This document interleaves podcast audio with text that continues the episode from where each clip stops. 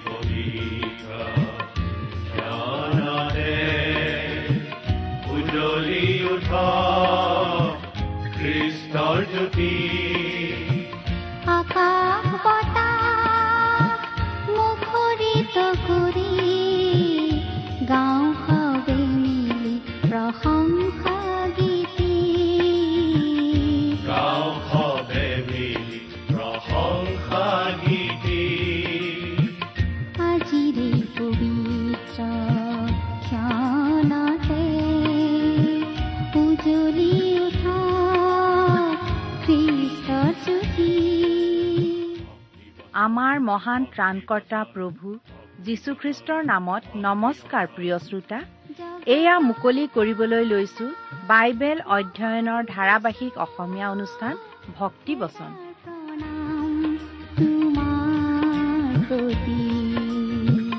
মহান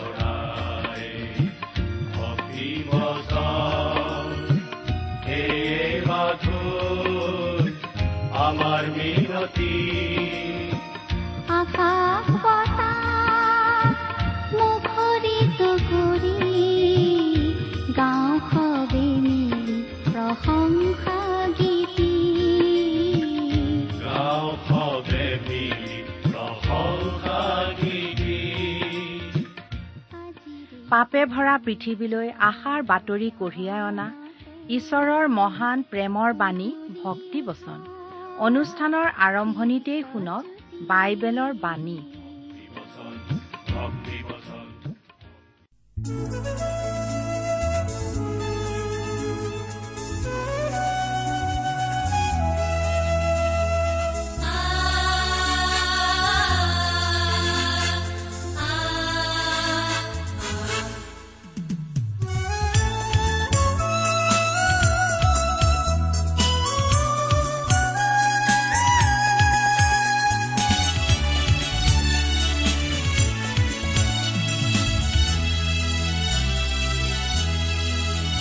বাইক আছিল নদীতে তেওঁ আছিল ঈশ্বৰে সতে আৰু সেই বাইকই স্বয়ং ঈশ্বৰ তেওঁ আহিল যিচু ৰূপেৰে। মানুহ উধাৰিবলে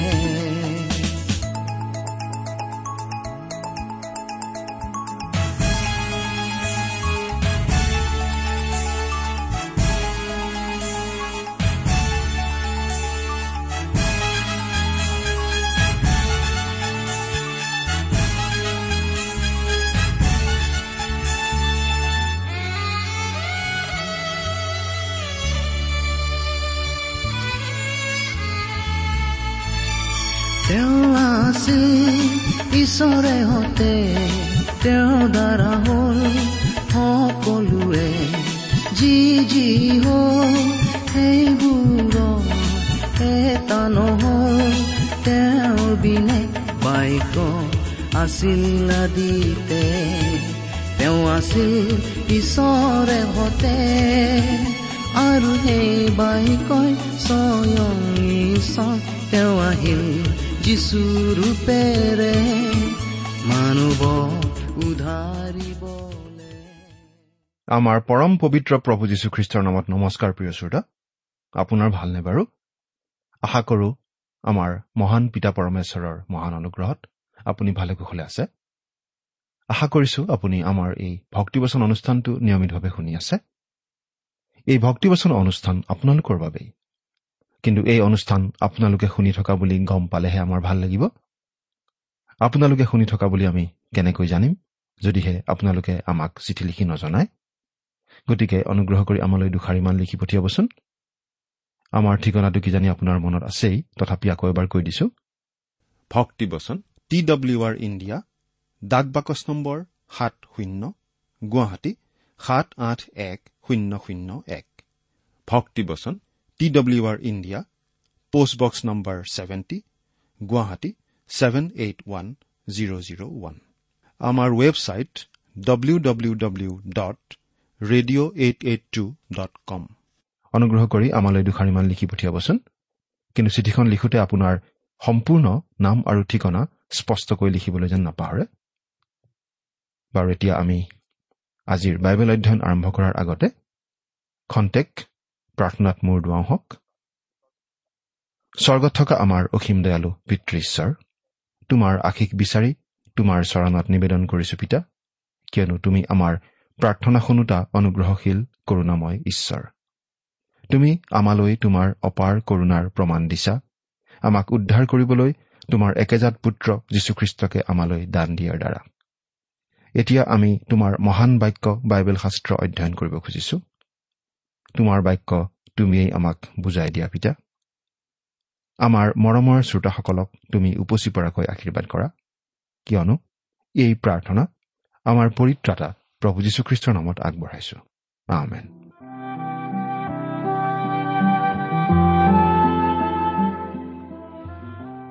প্ৰিয় শ্ৰোতা আমি যোৱা অনুষ্ঠানত বাইবেলৰ পুৰণি নিয়ম খণ্ডৰ যাত্ৰা পুস্তক নামৰ পুস্তকখনৰ আঠ নম্বৰ অধ্যায়ৰ পৰা অধ্যয়ন কৰিছিলো নহয়নে বাৰু? গতিকে আজি আমি যাত্ৰা পুস্তকৰ ন নম্বৰ অধ্যায়ৰ প্ৰথম পদৰ পৰা আমাৰ আলোচনা আৰম্ভ কৰিবলৈ ওলাইছো। মুচিৰ যোগেদি ঈশ্বৰে ইছৰাইলৰ লোকবিলাকক মিছৰ দেশৰ বন্দী অৱস্থাৰ পৰা উদ্ধাৰ কৰি লৈ যাব খুজিছিল। আৰু ঈশ্বৰৰ নিৰ্দেশমতে মুচিয়ে ককায়েক হাৰুণৰ সৈতে মিছৰৰ ৰজা ফৰৌনৰ আগলৈ গৈ ইছৰাইলীয় লোকবিলাকক যাবলৈ দিবলৈ অনুমতি বিচাৰিছিল। কিন্তু ফৰৌন ৰজা অমান্তি হোৱাত ঈশ্বৰে মিছৰ দেশৰ ওপৰলৈ এটা এটাকৈ উপদ্ৰৱ নমাই আনিছিল। যোৱা অনুষ্ঠানত আমি পাইছিলো যে ফৰৌন ৰজাই ইছৰাইলৰ লোকবিলাকক যাবলৈ দিব খুজিছিল। কিন্তু মিছৰ দেশৰ পৰা গুচি যাবলৈ কোৱা নাছিল। কিন্তু মুচি মান্তি হোৱা নাছিল আৰু মিছৰ দেশৰ পৰা আঁতৰি গৈহে ঈশ্বৰলৈ বলি আগবঢ়াব বুলি কৈছিল। ফৰৌন ৰজা সন্মত হোৱা নাছিল। এতিয়া আমি পিছৰ ঘটনাবোৰ চাবলৈ পাম। আমি ন নম্বৰ অধ্যায়ৰ পৰা চাই যাম। আপোনাৰ লগত যদি বাইবেল আছে অনুগ্ৰহ কৰি চাই যাব। আৰু লগত যদি বাইবেল নাই অনুগ্ৰহ কৰি আমি পাঠ কৰি দিওঁতে মন দি শুনিব।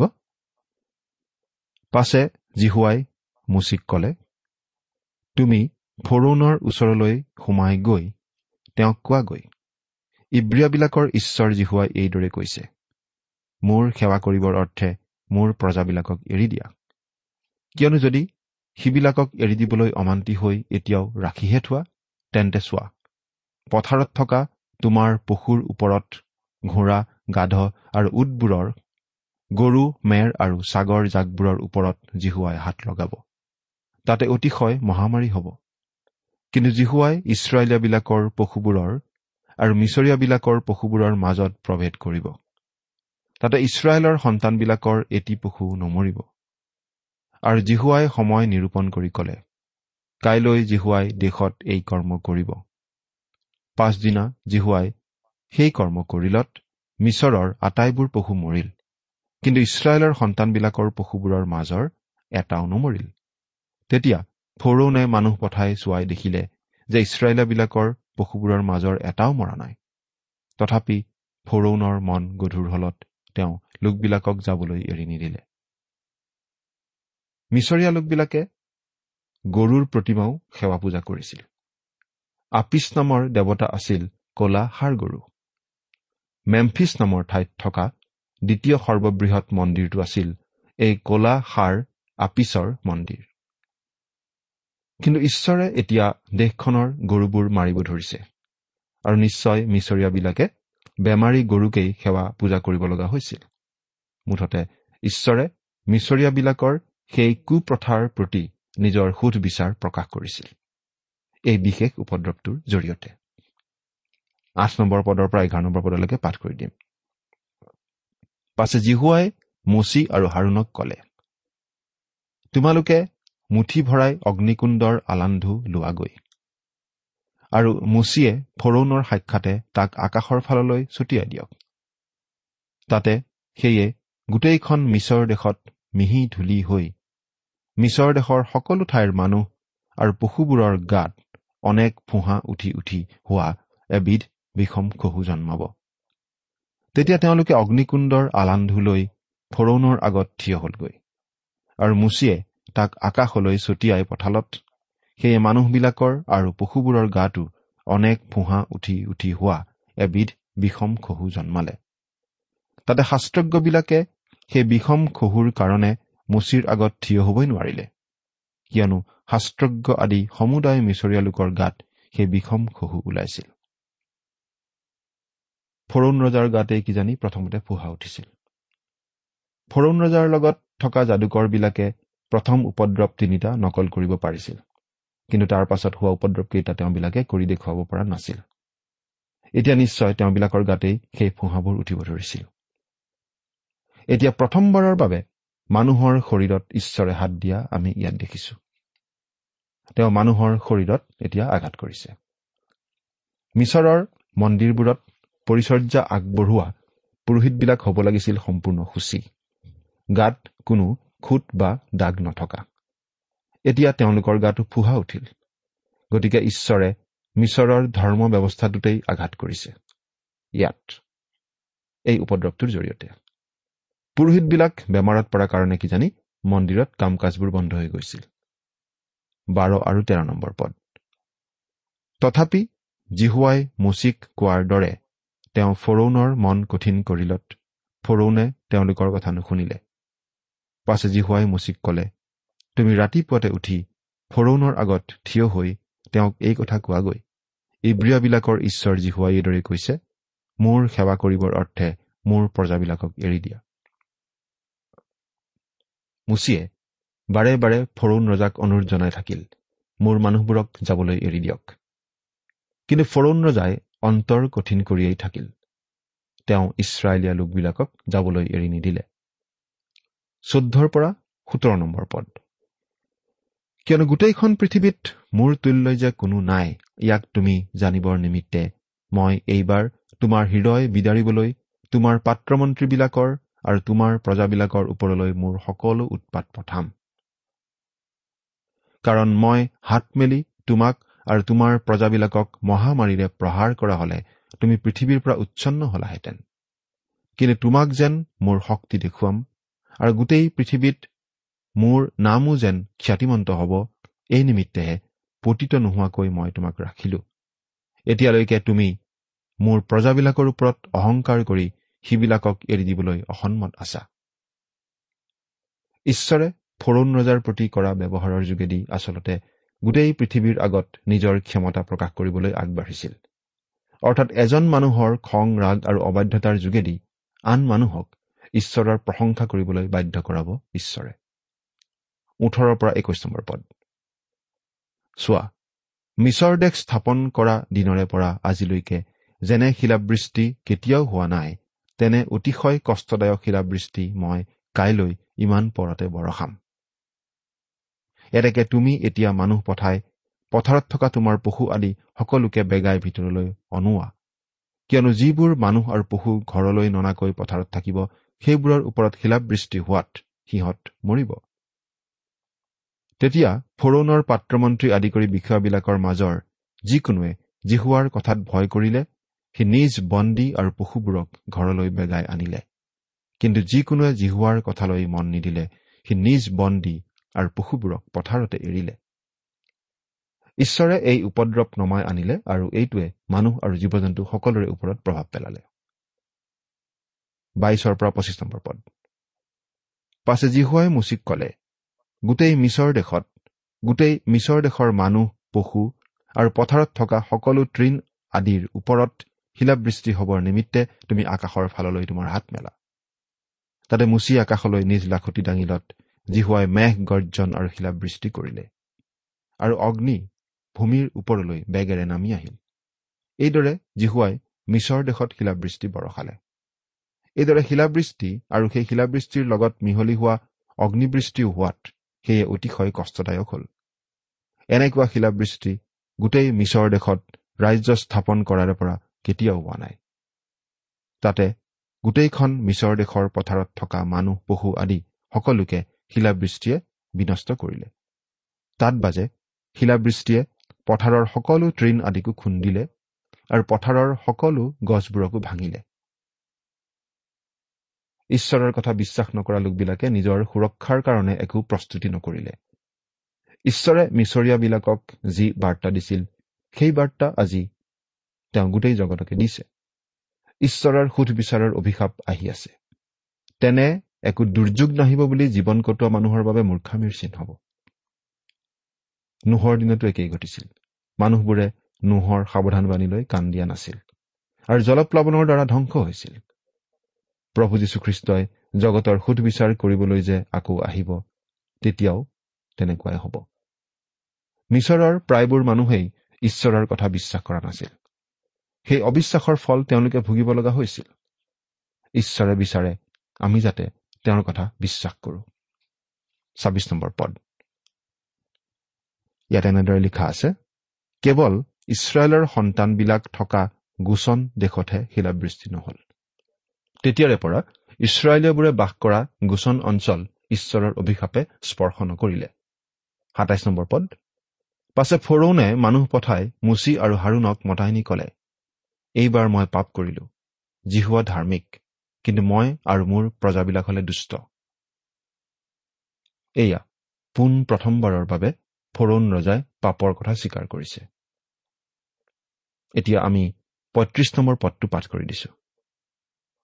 এইদৰে জিহুৱাই মুচিৰ দ্বাৰাই কোৱাৰ দৰে ফৰৌনৰ মন কঠিন হলত তেওঁ ইছৰাইলৰ সন্তানবিলাকক যাবলৈ এৰি নিদিলে। ফৰৌন ৰজাই কিন্তু নিজৰ হৃদয় কঠিন কৰিয়েই থাকিল। বাৰু এতিয়া আমি দহ নম্বৰ অধ্যায়ৰ পৰা চাব খুজিছো। দহ নম্বৰ অধ্যায়ৰ এক নম্বৰ আৰু দুই নম্বৰ পদ দুটা পাঠ কৰি দিছো।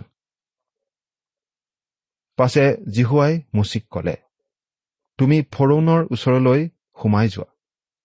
কিয়নো মই যেন মিছৰ দেশৰ মাজত মোৰ এই চিনবোৰ দেখুৱাম আৰু মই মিছৰীয়াবিলাকলৈ কৰা কাৰ্যৰ আৰু সিহঁতৰ মাজত মই দেখুওৱা চিনবোৰৰ বৃত্তান্ত যেন তুমি নিজ পো নাতিহঁতৰ আগত কবা আৰু মই যে জিহুৱা তাক যেন তোমালোকে জানিবা।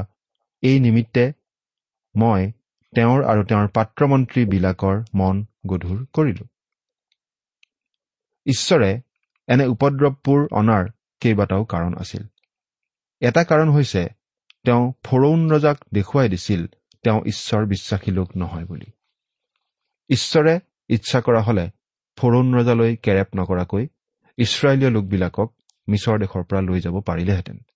কিন্তু তেনে কৰা হলে সমালোচকবোৰে কলেহেঁতেন ঈশ্বৰে ফৰৌন ৰজাৰ প্ৰতি উচিত ব্যৱহাৰ নকৰা বুলি। কাৰণ ইছৰাইলীয় লোকক যাবলৈ দিবলৈ অনুমতি দিবলৈ আৰু নিজে পৰিত্ৰাণ লাভ কৰিবলৈ সুবিধা পোৱাটো ফৰৌনৰ পক্ষে উচিত আছিল বুলি মানুহে নিশ্চয় কলেহেঁতেন। আৰু ঈশ্বৰে ঠিক তাকেই কৰিছিল। ঈশ্বৰে ফৰৌন ৰজাক সুবিধা দিছিল। লগতে ঈশ্বৰে ইছৰাইলীয়া লোকবিলাকক তেওঁ নিজৰ ক্ষমতা দেখুৱাব খুজিছিল। তেওঁবিলাকক মিছৰ দেশৰ পৰা উদ্ধাৰ কৰি নিয়াৰ আগতে। তেওঁ তেওঁবিলাকক এই কথা দেখুৱাব খুজিছিল যে তেওঁবিলাকক প্ৰতিজ্ঞাৰ দেশলৈ লৈ যাবলৈ তেওঁ সমৰ্থ। সেই বিশেষ ঘটনাৰ কথা আজি চাৰি হাজাৰ বছৰ ধৰি নিষ্ঠাৰ পৰ্ব পালনৰ যোগেদি ঘোষণা কৰি অহা হৈছে। তিনি পদৰ পৰা সাত নম্বৰ পদ পাঠ কৰি দিছো। তেতিয়া মুচি আৰু হাৰুণে ফৰৌনৰ ওচৰলৈ সোমাই গৈ তেওঁক কলে ইব্ৰিয়াবিলাকৰ ঈশ্বৰ জিহুৱাই এইদৰে কৈছে তুমি মোৰ আগত নম্ৰ হবলৈ কিমান কাল অমান্তি হৈ থাকিবা? মোৰ সেৱা কৰিবৰ অৰ্থে মোৰ প্ৰজাবিলাকক এৰি দিয়া। কিন্তু যদি মোৰ প্ৰজাবিলাকক এৰি দিবলৈ মান্তি নোহোৱা তেন্তে চোৱা কাইলৈ তোমাৰ সীমাৰ ভিতৰলৈ কাকতি ফৰিং আনিম। সেইবোৰে গোটেইখন দেশ এনেকৈ ঢাকি ধৰিব যে কোনেও মাটিকে দেখা পাব নোৱাৰিব। তাতে শিলাবৃষ্টিৰ পৰা ৰক্ষা পোৱা যি অৱশিষ্ট ভাগ তোমালোকৰ নিমিত্তে বাকী আছে তাকো সেইবোৰে খাব। আৰু তোমালোকৰ নিমিত্তে বাৰীয়ে পথাৰে উৎপন্ন হোৱা সমুদায় গছকো খাই পেলাব। ছয় নম্বৰ পদ। আৰু তোমাৰ ঘৰবোৰ আৰু তোমাৰ পাত্ৰমন্ত্ৰী আদি সকলো মিছৰীয়াবিলাকৰ ঘৰবোৰ সেইবোৰেৰে ভৰি পৰিব। তোমাৰ ওপৰ পিতৃবিলাকৰ আৰু সিবিলাকৰো ওপৰ পিতৃবিলাকৰ জন্মৰ পৰা আজিলৈকে কেতিয়াও তেনেকৈ দেখা নাযায়। পাছে তেওঁ মুখ ঘূৰাই ফৰৌনৰ আগৰ পৰা বাহিৰলৈ গ'ল। তেতিয়া ফৰৌনৰ পাত্ৰমন্ত্ৰীবিলাকে ফৰৌনক কলে এই মানুহটোনো আমালৈ কিমান কাললৈকে ফানস্বৰূপ হৈ থাকিব? সেই লোকবিলাকে নিজ ঈশ্বৰ জিহুৱাৰ সেৱা কৰিবৰ অৰ্থে সিহঁতক যাবলৈ এৰি দিয়ক। মিছৰ দেশ যে নষ্ট হল তাক আপুনি এতিয়ালৈকে বুজা নাইনে?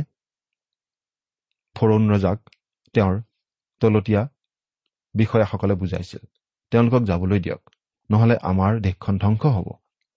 গতিকে আকৌ মুচি আৰু হাৰুণক ৰজাৰ আগলৈ মাতি পঠিওৱা হ'ল। আঠ নম্বৰ পদৰ পৰা দহ নম্বৰ পদলৈকে পঢ়ি দিছো। তেতিয়া মুচি আৰু হাৰুণক ফৰৌনৰ আগলৈ পুনৰাই অনোৱা হলত ফৰৌনে তেওঁলোকক কলে যা তহঁতৰ ঈশ্বৰ জিহুৱাৰ সেৱা কৰগৈ। কিন্তু কোন কোন যাব? মুচিয়ে কলে আমি লৰা বুঢ়া সকলো যাম। নিজ নিজ পু যিবিলাকক আৰু মেৰ চাগ আৰু গৰুৰ জাকবোৰকো লগত লৈ যাম। কিয়নো জিহুৱাৰ উদ্দেশ্যে আমি উৎসৱ কৰিব লাগিব। তাতে ফৰৌনে তেওঁলোকক কলে হয় হয় মই যিদৰে তহঁতক আৰু তহঁতৰ ল'ৰা তিৰোতাবোৰক যাবলৈ এৰি দিম সেইদৰে জিহুৱা তহঁতৰ লগত থাকক। চাবি কাৰণ তহঁতৰ লগত অনিষ্ট আছে। তেওঁলোক মান্তি নোহোৱাত ফৰৌন ৰজাৰ খুব খং উঠিছিল। এঘাৰ নম্বৰ পদ সেয়ে নহব তহঁত পুৰুষবোৰ যা জিহুৱাৰ সেৱা কৰগৈ। কিয়নো তাকেহে তহঁতে বিচাৰিছ? তাতে ফৰৌনৰ আগৰ পৰা তেওঁলোকক খেদাই দিয়া হল। ফৰৌন ৰজাই কৈছিল ডাঙৰ মানুহবোৰে অৰণ্যলৈ যাব পাৰিব ঈশ্বৰৰ উদ্দেশ্যে বলি আগবঢ়াবলৈ। কিন্তু সৰু ল'ৰা ছোৱালীবোৰ এৰি যাব লাগিব ফৰৌন ৰজাই নিশ্চয় সন্দেহ কৰিছিল যে যদি সকলোকে যাবলৈ দিয়া হয় তেনেহলে তেওঁবিলাক দেশ এৰি গুচি যাবগৈ। গতিকে ল'ৰা ছোৱালীবোৰ ৰাখি থব খুজিছিল যাতে মানুহবোৰ আকৌ ঘূৰি আহে। ফৰৌন ৰজাই এনেদৰে আপোচৰ প্ৰস্তাৱ আগবঢ়াই মুচিক প্ৰলোভন দেখুওৱাৰ নিচিনাকৈ আজিকালিও ছয়তানে খ্ৰীষ্টীয় বিশ্বাসীসকলক প্ৰলোভন দেখুৱায়। ল'ৰা ছোৱালীবোৰক আজিকালি স্কুল কলেজ আদিত যিবোৰ কথা শিকোৱা হয় সেইবোৰ কথাই ল'ৰা ছোৱালীৰ মনত ঈশ্বৰৰ প্ৰতি বিশ্বাস নজন্মায়। বহু ক্ষেত্ৰত ঈশ্বৰৰ প্ৰতি বিৰূপ মনোভাৱৰহে জন্ম দিয়ে। সমাজখনে খ্ৰীষ্টীয় পৰিয়ালৰ ল'ৰা ছোৱালীবোৰক শিকাই জগতৰ সৈতে মিলি পৰিবলৈ। কেৱল ধন ঘটিবলৈ যিকোনো প্ৰকাৰে নিজৰ কাম হাচিল কৰিবলৈ। আমি নিঃসন্দেহে ক'ব পাৰোঁ যে খ্ৰীষ্টীয় বিশ্বাসী পিতৃ মাতৃসকলে তেওঁলোকৰ ল'ৰা ছোৱালীৰ সদায় ভালটোৱেই বিচাৰে। সৰ্বোৎকৃষ্ট শিক্ষানুষ্ঠানত পঢ়ুৱাব পাৰিলে ভাল পায়। জীৱনত সফলতা লাভ কৰি ভাল চাকৰি পাই টকা পইচা উপাৰ্জন কৰি ধনী হোৱাটো বিচাৰে। কিন্তু তেনেদৰেই বহুতো ল'ৰা ছোৱালী ঈশ্বৰৰ পৰা আঁতৰি গৈ জগতৰ লগত মিলি পৰিছে। বহুতো খ্ৰীষ্টীয় বিশ্বাসী পিতৃ মাতৃয়ে তেওঁলোকৰ সন্তানবোৰ জগতৰ হাতত হেৰুৱাইছে। জগতৰ সৰ্বোত্তমখিনি বিচৰাটোৱেই আচলতে খ্ৰীষ্টীয় পিতৃ মাতৃসকললৈ ছয়তানৰ পৰা আহিব পৰা অতি কৌশল ভৰা প্ৰলোভন। আমাৰ ল'ৰা ছোৱালীবোৰক যেতিয়া আমি জাগতিক শিক্ষানুষ্ঠানবোৰলৈ পঠাওঁ তেতিয়া সিহঁতৰ চিন্তা চৰ্চাবোৰ জাগতিক চিন্তাধাৰাৰ দ্বাৰা প্ৰভাৱিত হয়। আমি বহু সময়ত আচৰিত হওঁ। খ্ৰীষ্টিয়ান পিতৃ মাতৃৰ সন্তান হৈও সেই ল'ৰাজনে এনেকুৱা কাম কৰিব পাৰেনে? কিন্তু খ্ৰীষ্টীয় পিতৃ মাতৃৰ সন্তান হলেও আচলতে তেনে সন্তান খ্ৰীষ্টীয় পৰিৱেশত ডাঙৰ নহয় কাৰণ স্কুলত নানা ধৰণৰ জাগতিক ভাৱ চিন্তাৰ দ্বাৰা তেওঁবিলাক প্ৰভাৱিত হয়। খ্ৰীষ্টীয় পিতৃ মাতৃসকল কেৱল নিজে ভাল হলেই নহব কিন্তু নিজৰ সন্তানবোৰকো খ্ৰীষ্টীয় মূল্যবোধ আৰু নীতিৰ বিষয়েও শিকাব লাগিব। নিজৰ সন্তানক জাগতিক দিশত সফল বনাবলৈ গৈ বহুতে খ্ৰীষ্টীয় পিতৃ মাতৃয়ে সন্তানক হেৰুৱাই পেলাইছে। জগতে আজিও আমাক কয় তোমালোকৰ সন্তানবোৰ এৰি যোৱা। তোমালোক ঈশ্বৰৰ উদ্দেশ্যে উপাসনা আগবঢ়াবলৈ যাব পাৰা কিন্তু সন্তানবোৰ এৰি যোৱা। মচি আৰু হাৰুণে ফৰৌন ৰজাই আগবঢ়োৱা আপোচৰ প্ৰস্তাৱ গ্ৰহণ কৰা নাছিল আৰু তেতিয়া ফৰৌন ৰজাৰ খং উঠিছিল। ফৰৌন ৰজাৰ খঙৰ ফলত একো লাভ নহল। মিছৰৰ ওপৰলৈ আৰু এটা অভিশাপে নামি আহিল। বাৰৰ পৰা পোন্ধৰ নম্বৰ পদ পঢ়ি দিছো।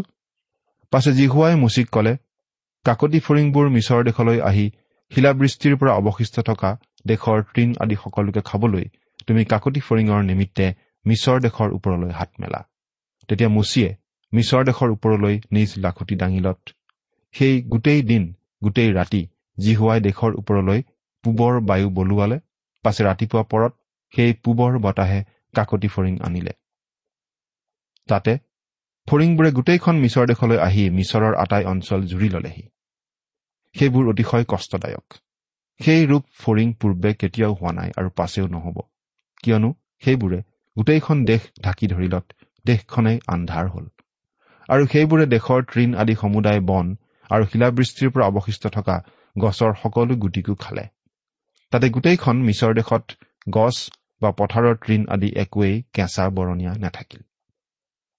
ঈশ্বৰে কাকতি ফৰিংবিলাক অলৌকিকভাৱে উৎপন্ন কৰা নাছিল। পূব পিনৰ পৰা বলা বতাহে সেইবোৰক আন ঠাইৰ পৰা লৈ আহিছিল। খুব সম্ভৱ এছিয়া অঞ্চলৰ পৰা। মৰুভূমিৰ ওপৰেদি উৰি অহা ফৰিংবোৰ নিশ্চয় ক্ষুধাতুৰ হৈ আছিল আৰু সেউজীয়া নীল নদীৰ উপত্যকা পোৱাৰ লগে লগে গছ গছনি এফালৰ পৰা খাই শেষ কৰিব ধৰিছিল। মিছৰ দেশখনত সেউজীয়া গছ গছনি নোহোৱা যেন কৰি পেলালে। শাস্ত্ৰত কাকতি ফৰিঙক ঈশ্বৰৰ সুধবিচাৰৰ চিন হিচাপে ব্যৱহাৰ কৰা হৈছে। কাকতি ফৰিঙৰ যোগেদি অহা অভিশাপ প্ৰকৃততেই ভয়ংকৰ। কাৰণ সকলো শস্য ধ্বংস কৰি পেলায়। ইয়াৰ আগলৈকে মিছৰত যিমানকেইটা উপদ্ৰৱ হৈছিল তাৰ তুলনাত এই উপদ্ৰৱটোৰ প্ৰভাৱ নিশ্চয় বেছি আছিল। প্ৰিয় শ্ৰোতা ফৰুণ ৰজাৰ মনৰ কঠিনতাৰ ফলস্বৰূপেই এটাৰ পাছত এটাকৈ অভিশাপবোৰ নামি আহিছিল মিছৰ দেশৰ ওপৰলৈ। তথাপি ফৰুণ ৰজাৰ মন কোমলা নাছিল। কোমলিব খোজে কিন্তু আকৌ মন কঠিন হয়। আপোনাকো যেতিয়া ঈশ্বৰে বিশেষভাৱে কথা কয় আপুনি বাৰু আপোনাৰ কোমলিব খোজা মন আকৌ কঠিন কৰি পেলায় নেকি? এতিয়া বাৰু প্ৰভু যীশুৱে আপোনাক কি কৈ আছে? চিন্তা কৰি চাওকচোন। ঈশ্বৰে আপোনাক আশীৰ্বাদ কৰক। আমেন। ইমান পৰে আপুনি ভক্তিবচন অনুষ্ঠানটি শুনিলে। এই বিষয়ে আপোনাৰ মতামত জানিবলৈ পালে আমি নথৈ আনন্দিত হ'ম। আমি প্ৰস্তুত কৰা বাইবেল অধ্যয়নৰ আন চিডিসমূহ পাব বিচাৰিলেও আমালৈ লিখক। অনুষ্ঠানটি শুনি কেনে পালে আমালৈ চিঠি লিখি জনাবচোন। অনুষ্ঠানত প্ৰচাৰ কৰা কোনো কথা বুজিব লগা থাকিলেও আমালৈ লিখক। আমাৰ ঠিকনা? ভক্তিবচন ট্ৰান্স ৱৰ্ল্ড ৰেডিঅ' ইণ্ডিয়া ডাক বাকচ নম্বৰ সাত শূন্য গুৱাহাটী সাত আঠ এক শূন্য শূন্য এক। ঠিকনাটো আৰু এবাৰ কৈছো ভক্তিবচন ট্ৰান্স ৱৰ্ল্ড ৰেডিঅ' ইণ্ডিয়া ডাক বাকচ নম্বৰ সাত শূন্য গুৱাহাটী সাত আঠ এক শূন্য শূন্য এক। আমাৰ ইমেইল এড্ৰেছটো হৈছে S M is T T B at the rate radio' eight eight two dot com আমাৰ website W W W dot T W R dot in আপুনি টেলিফোনৰ মাধ্যমেৰেও আমাক যোগাযোগ কৰিব পাৰে আমাৰ টেলিফোন নম্বৰটো হৈছে শূন্য তিনি ছয় এক দুই ছয় শূন্য চাৰি ছয় সাত এক ফোন নম্বৰটো আকৌ এবাৰ কৈছো zero' three six one two six zero' four six seven one আজিৰ অনুষ্ঠানটি ইমানতেই সামৰিছো। ঈশ্বৰৰ শান্তি আৰু অনুগ্ৰহ আপোনাৰ লগত থাকক। ধন্যবাদ। যিচুৰূপে বাক্য আছিল আদিতে তেওঁ আছিল ঈশ্বৰে হতে। আৰু হে বাক্য স্বয়ং ঈশ্বৰ তেওঁ আহিল যিচুৰূপেৰে মানৱ উধাৰিবলে